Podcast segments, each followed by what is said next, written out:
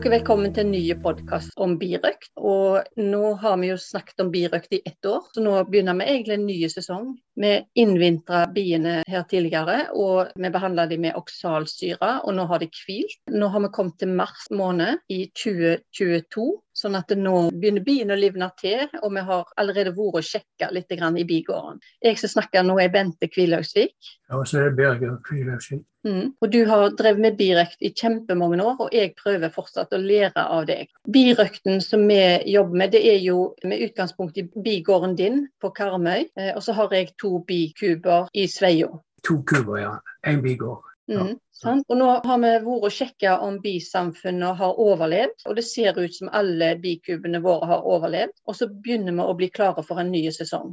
Men nå er det kanskje mange som har lyst å starte med birøkt, og da har vi tenkt litt at det, kunne vært litt greit å snakke om rammene i rundt birøkt. Og det er jo du som er sertifiserte birøkter, ikke sant? Ja, nå er det jo sånn at eh, hvem som helst kan begynne med birøkt. Mm -hmm. Men de som begynner med birøkt, de må rette seg etter lover og regler som finnes. Først og fremst så er det en forskrift som heter forskrift om birøkt. Og der står det forskjellige ting. Det er viktig. Og ja, det første da, det er at det må jo finne seg en plass å ha byene. Ja. Og Da må en tenke på plassering i forhold til folk som går turer. At vi ikke setter byene sånn at folk må gå forbi de på framsida av kuba. Mm. Eller sette de på andre sida av veien eller tursti, hva det måtte være. Så de går passerer på baksida av kubene, og et stykke ifra veien. da. Og da må det være en plass som er tørt og fint. Mm.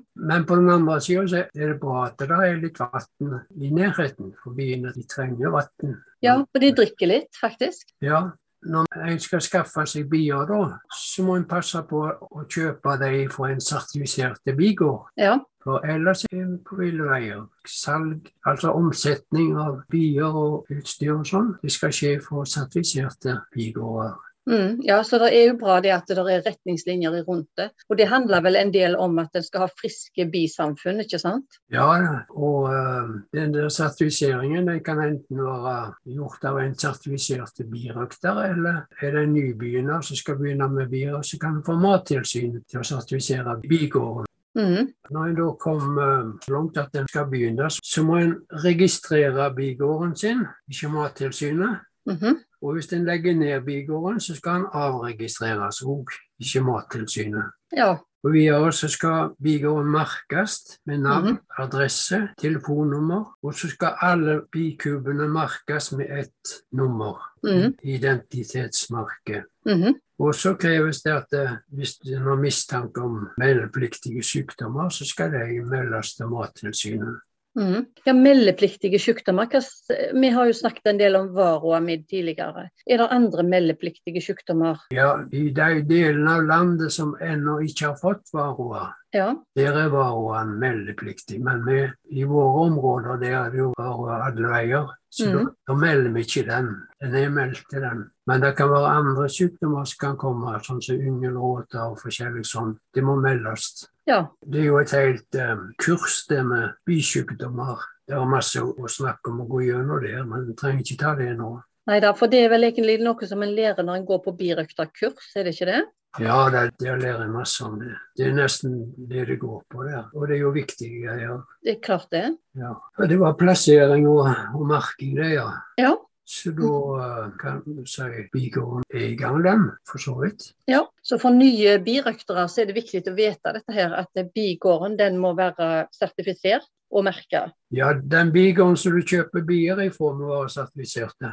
Ja. Og hvis en skal selge bier, så sier det seg selv, da må jo den bigården som selger bier, den må være sertifisert. Mhm. Omsetning av bier. Og ikke bare bier, men utbygde vokstavler f.eks. òg. Og en annen ting òg at du har ikke lov å flytte bikuber heller uten det er fra en sertifisert bigård. Flytting av bikuber, der er det jo òg noe med tidspunkt på året som en kan flytte bikuber. Var ikke det snakk om det òg? Jo da, det er 1. mai det. Vi må flytte før 1. mai. Det er pga. den pærebrannen. At ikke biene skal spreie den pærebrannen. Ja, så det har ikke egentlig med biene å gjøre, men det har med utvikling av sykdommer på frukttre. Ja, det har med frukttre å gjøre. det. Ja. Så hvis en skal selge bier, så må en gjøre det før 1. mai. Ja, der er vel noen plasser som en har lov å flytte inn, innen visse områder, altså. Så det må en jo sette seg inn i, da. Ja, nå er vi på Vestlandet, og så egentlig alt det vi snakker om, det handler jo om birøkt på Vestlandet. Så det er klart at det er andre ting òg som kan være på andre måter andre plasser. Ja, Og nå har vi jo vært og sjekka, ja, bigården, og der er liv i alle biene. Der er mange kuber der vi har sett nå, at det der er egg og yngel. ja. Så det tyder jo på at dronningen er i orden. Ja da, det ser bra ut. Ja, og vi har bytta båndbrett. Ja, Og så har vi tatt skrapet ifra båndbrettet, og så har vi tørka skrapet, og det vil du sjekke for varoa mi. ja det har jeg sjekka, og det gjør vi på den måten at vi tørker det, ja, samler det oppi en kartong, en hvit kartong. Mhm. Og så, når det er tørka, så slår vi rødsprit oppi. Og da er det sånn at eh, alt unntatt vareamiden sykker til bunns. Så da kan vi se hvor mange varer som flyter opp. Ja, Du teller det vel ikke akkurat, men du ser mengden, er det sånn? Jo, du kan, hvis du tar ei og ei bikube og skal teste, da teller du de. Ja, du kan det? Ja da, for det er ikke så mange da. Men nå, sånn som det var her nå, så har vi jo 13 bikuber, og så for et helt år. Ja, det er jo for et helt år. Så det blir noen vareamiddag ut av det, vet du. Mhm. Men nå når jeg sjekka nå, så var jeg overraska over hvor lite det var egentlig. Ja, og det er vel gjerne fordi du har passet godt på. Altså, Du satt jo i dronetavler fordi at eh, varoene går mest på dronene. Ja da. varoene legger eggene sine i droneyngelen før de lukker igjen cellene. Og så har vi jo tatt og skåret ut det, og så har vi fjerna varoamid på den måten. Og så har vi jo òg om høsten så behandler vi det med oksalsyre. Ja da. Så behandler vi jo alle bikubene med det, og det virker jo mot varoen. Ja. Mm. Så du har jo jobba ganske godt med det, egentlig. ja. Det er ikke noe mer enn vi skal gjøre det. Men hvis det hadde vært masse varer, Ja. da måtte vi gjort enda mer. Da måtte vi til med maursyre. Ja. behandle det med maursyre. Og det er sånn at eh, Oksalsyre den kan bare bruke når, eh, når det ikke er lukka yngel. For oksalsyre går ikke gjennom cellelokket. Men maursyre den trenger gjennom cellelokket òg. Sånn at eh, den midden som er inni cellen, og den òg tar maursyre. ja. Så det er en sterkere behandling, kan en vel gjerne si. Ja, men jeg kan jo sluppe det til disse maursyre. Ja. Så, så håper jeg det fortsetter sånn. Ja, og så er det jo en del ting en trenger å tenke på hvis en skal drive med birøkt. En må ha en mulighet til å slynge, en må ha litt lagerplass, en må ha noe arbeidsplass, og en må ha en mulighet til å kjøle ned f.eks. honningen. Har du lyst til å snakke litt om det? Ja, kan begynne med slyngerommet, f.eks. Ja. Hvis en skal selge honning, eller levere honning til Honningsentralen, så må slyngerommet være sertifisert, enten av Mattilsynet eller av en sertifisert birøkter. Men eh, egentlig, hvis birøkterne ikke er sertifiserte, så er det litt opp til Mattilsynet om de vil komme. og Det ligger liksom på dem om de vil komme og uh, inspisere slyngerommet. Ja. Det, må jo ha plass. I slyngerommet må jo ha plass til slynger, og, og plass til å tørke honningen, og plass til honningløsner og utstyret ellers. Så Mhm. et rom på fem-seks kvadratmeter bør en iallfall ha. Ja. Det er ikke så veldig stort, men det er noe plass til alt utstyr og sånn. Ja. Nå har vi jo faktisk malt og ordnet litt til, så får lagd det litt koselig der nede. Ja, men for min del så tørker honningen i selve slyngerommet, så er det jo en fordel at slyngerommet ikke er så stort og varme. Ja, det er sant det. og varmt det godt opp, og tørke lufta, sånn at det, det blir et varme, tørre luft der inne. og Det det er jo da honningen tørker opp. Ja, for du vil jo ikke ha vann i honningen, sant? Du vil ha den passelig tørr. Så vi henger rammen opp noen stativer, da, og så har vi ei kar under som tar imot det som drypper ned. At det ikke går på gulvet. Ja, sant? Når vi slynger honningen da i høst. Ja. Jeg vet ikke om vi skal si noe mer om slyngerommet. Vi trenger ikke si noe masse mer om det, men du, det som jeg vet er at du har jo en luftavfukter inne i slyngerommet, og du har òg en varmeovn og faktisk òg en vedovn. Ja da, vi får varmt nok der, og tørt nok. Ja. Og så har vi jo en sånn som som måler fuktigheten, da, i Ja. Ja, du måler fuktigheten i honningen, ikke sant? Vi måler i rommet òg. Ja, i rommet òg. Ja. Så når det kommer ned i under 50 fuktighet, eller 50% relativ fuktighet, heter det, da tørker honningen. Og nå har jeg også kommet ned i 40 òg. ja, du er litt tørt å være der. Du merker litt på at det er bedre å puste når det er bitte litt fuktighet. Det er ikke kjekt å arbeide når det er så tørt. Nei. Men når vi ikke er der, da kan det godt være tørt. Ja, for at når vi henger opp varmen, så går vi jo ut. Vi er jo ikke der da. Mhm. Da kan vi bare fyre og, og tørke rommet. og Så kan vi heller la det være litt mer fuktighet når vi jobber, når vi slunjer. -hmm. Men det bør iallfall ikke være mer enn 60% når vi jobber heller. Nei, det pleier å være ganske tørre luft der. Ja, Og så måler du jo da i honningen òg, altså hvor mye fukt det er i honningen. Ja da bruker et refraktometer, heter det. Så prøver å få honningen under 20 med vann. Ja. Og Hvilke andre rom er det en må tenke på når en er ny birøkter? Hva, hva andre rom er det en trenger? Ja, må ha et lagerrom. Vi må ha et lager til å lagre honningen. Det må du? Og så må en ha lager til å ha rammene i. Når vi har tatt inn honningen, så får vi masse rammer som vi må gjøre rene og lagre for vinteren. da. Det må det være plass til. Ja. Og så må vi ha et arbeidsrom, hvis vi ikke kjøper alt ferdig da. Kjøper alt utstyret ferdig. Jeg har det på den måten at jeg lager forskjellig. Ja, du lager båndbretter, ikke sant? Lager båndbrett, ja. Ja, du lager de der kassene, eller hva skal du si, de lokkene du har oppå. Ja, Du lager rammene. lager rammene òg, ja. Ja. Men kassene pleier du å kjøpe. Ja, kassene må vi kjøpe for det. Det er tre kasser, det, det må man komme vekk ifra. Det er tunge, og de, de har lett for å bli fuktige inni. Og, Ja. Så du kjøper isoporkasser. ja, Ja. Det er en slags isopor. Ja. Men alt dette kan en kjøpe ferdig hvis en vil, ikke sant? Jo, hvis en begynner med birak, så kan en kjøpe en sånn begynnerpakke av Honningsentralen. Kjempelur. Og så utstyr til å ta skrellevoksene, for de rammene må jo skrelles. Ja, og det er jo i forbindelse med slynging, ikke sant? Ja, Ja, så det er litt forskjellig utstyr. ja. Så Ja. vi i slyngene. Ja, Hvis en tenker sånn alle de tingene som en trenger lagerplass altså Slynga den pleier å ofte stå inne på det der slyngerommet, sant? men så har du en slyngesil, ja, som du òg bruker. Så det er, det er greit å ha en plass der ting kan bli lagra på en ren og god plass. Ja da. Og så har jo kjølerom, da. Det er jo en god ting å ha. Jeg liker å få honningen. Den som skal selge privat, at jeg får den krystalliserte. Da er det bra å få den kjølt ned. Mm, den krystalliserer bedre når det blir kaldt, ja. Ja. Er det noen andre arbeidsrom du trenger? Du har jo et rom der det er mulig å vaske utstyret. ja, det er sant. Og det skal det være òg. Ellers blir ikke slyngerommet godkjent. Det skal være et vaskemulighet i nærheten av slyngerommet. Ja. Det legger Mattilsynet veldig vekt på. Så du har et rom der det er to store vasker. Ja da. Så bruker du høytrykksspyleren, tror jeg, på noe. Ja, vi tar det ut og høytrykksspyler høystrykksspylerne. Ikke slynja, men eh, slynjekurven og slyngesilen. Honningløsneren. Mm. Tidligere så spylte jeg honningsilen, slyngekilen, med varmt vann. mhm. Men det var en dårlig idé, for da smelter voksen, så legger han seg i hullene på silen. Så silen ble jo tettere og tettere over hvert år. Mhm. Men etter at jeg høytrykksspyler silen, da virker det helt fint. Mm. Han ble ren som gull av det. Ja, så det er sånn at det, det må være god hygiene, og en trenger en del godkjenninger. Så hva er det som gjelder der, da? Bigården den må være sertifisert. den. Hva er det egentlig som skal til for oss å gjøre det? da? Ja, som vi sa tidligere, så kan bigården bli sertifisert av Mattilsynet for en, en nybegynner. Men jeg kan òg gå på kurs, og så når en består eksamen der, så får en lov å sertifisere sine egne bier, sin egen bigård sjøl. Ja. Og da får en sertifisere for to år om gangen. Og så sender en bare beskjed til Mattilsynet at nå har jeg sertifisert bigården for to nye år.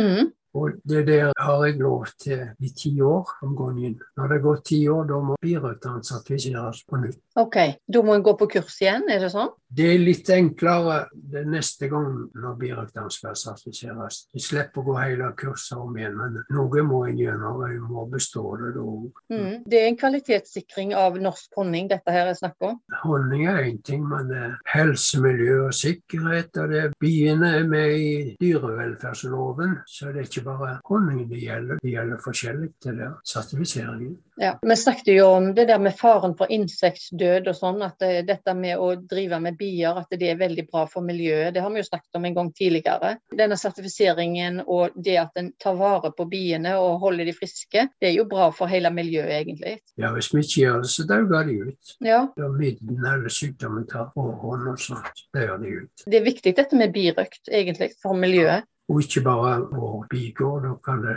smitte over på andre bigårder. Ja, og der sier du noe viktig, egentlig. Du er jo med i Karmøy birøkterlag, og dere har jo samarbeid. Og du liker òg å vite er det andre bier i nærheten av der du sjøl har bier, f.eks.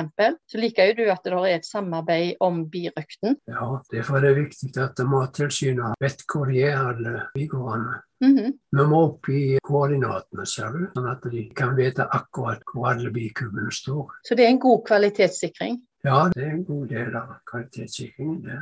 Det er sånn at eh, Hvis vi skal selge honning, iallfall hvis vi skal selge til Honningsentralen, da forlanger de at eh, vi har et oppegående kvalitetssikringssystem. Og det er egentlig ikke vi som har det, det er de sjøl som har det. De har hjemmesider som vi går inn på, og så krysser av på en bråte med spørsmål. Så har vi disse tingene å gjøre, kvaliteten som vi har snakket om. Både når det gjelder dyrevelferd og helsemiljø og honningbehandling og hele greia. Går inn i det. Og dette her KLS, eller kvalitetssikringssystemet, det er ikke lagd bare for bier, det, det er hele landbruket. Så birøkten det var en bitte liten del av kvalitetssikringssystemet. Så det må vi nå gå igjennom en gang i året. Mm -hmm. Det er jo bra at det er sånn. Det er kjempebra. Jeg kunne nevne en ting til når det gjelder kvalitetssikring. Det kan godt hende at Mattilsynet kommer på besøk, kontrollerer. Kan være med anmeldt eller uanmeldt. Det kan skje da, for det er de som har ansvaret for det. Nei, men Det er jo kjempebra at det der er så god kontroll. For det, det har jo med sikkerheten av både biene og honningen. Ja visst har det.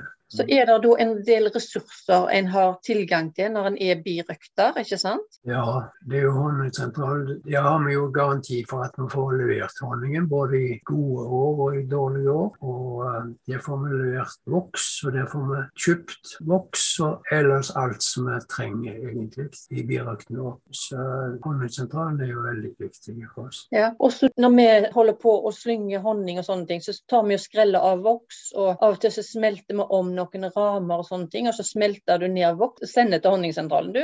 Ja da, vi lager sånn blokkvoks, som vi sier. Det har vi snakket om tidligere. Vi har snakket om det flere ganger, men det kan jo være greit å nevne det på nytt. For det er noe med den voksen at det er mangel på bivoks. Ja, på rene, skikkelig kontrollerte bivoks det er det mangel på. Ja, Det går an å importere bivoks fra utlandet, men den kan det være mer sykdommer i, har du snakket om tidligere? Ja, det, får, det er jo nødt for å importere fra utlandet, men verden er store, så de må bare finne en plass der det er rene voks. Jeg tror de har kjøpt ifra fra Afrika en plass. Akkurat. Og så blir den kontrollert av Honningsentralen, og så får ja. vi kjøpe sånn byggevoks. Ja. Ja, Norges birøkterlag, de har en rolle? De har en rolle. Like viktige, de òg. Norges birøkterlag har jo en sentral for hele ja. landet, og så er det fylkeslag. I hvert fylke er det mange lokallag. Og der er jo Karmøy birøkterlag er jo ett lokallag, ikke sant. Vi har vi Haugaland birøkterlag. Der har vi nettopp vært på kurs. Ja. Norges birøkterlag de gir ut et blad som heter Birøkteren. Ja. Kommer ut en gang i morgen ca. Mm. Og der er jo viktig informasjon om uh, viktige artikler som er skrevet både ny og gammelt nytt. Den er jo gøy å ha. Ja, det her med birøkt det er jo et fag. Det er jo et viktig fagområde, birøkt. Ja, også Norges birøkterlag er jo vårt talerør i forhold til myndighetene, f.eks. Når det gjelder støtteordninger og sånn, så går det gjennom Norges birøkterlag. Ja, Er det støtteordninger for birøktere? Ja da, det er forskjellig. Du får f.eks. tilbakebetalt momsen for sukker vi bruker. Mm -hmm. Det er det lokale som tar seg av og sender videre til Birøkterlaget sentralt. Og så er det sånn at de som har mer enn 25 kuber, så får de et beløp per kuba hvert år. Mm, så det er et satsingsområde egentlig, det med birøkt? Ja, har du snakket noe om at de driver en del forskning på birøkt òg? De driver f.eks. med forskning på varroa, om at de kan klare å få biene til å hanskes med den varroaen sjøl. Mm -hmm. De holder på med, de har funnet ut at noen plasser er det ikke varroa, selv om det er et varroaområde. Så de prøver å finne ut hva som skal til for at de kan kvitte seg med varroaen sjøl. At det rett og slett er litt mer resistent mot varroamidden, ja. Det høres jo veldig bra ut da, hvis en hadde klart å få det til. Ja, ellers er det å si om varroaen at uh, i Nord-Norge f.eks. er det ikke varroa. Det er for lange, kalde vintre. Det blir for mange måneder ifra de siste eggene ble lagt om høsten til de nye ble lagt om våren. Da overlever ikke varroen. Nei, Så det er ulike plasser i landet der det er ulike utsatt for varroamidja. Ja. Men hva er det vi planlegger nå da, videre liksom ute i bigården? Vi så jo etter yngel, og vi har funnet yngel i de fleste kubene. Hva er det neste vi har tenkt å gjøre nå? Nå må gå en gang til og så se. Det var tre kuber. Vi var litt usikre på om det var yngre eller ikke. Ja, Så da får vi følge med, og så får vi lage nye podkaster etter hvert. Ja, Men da sier vi ha det for i dag. ja, ha det. Ha det.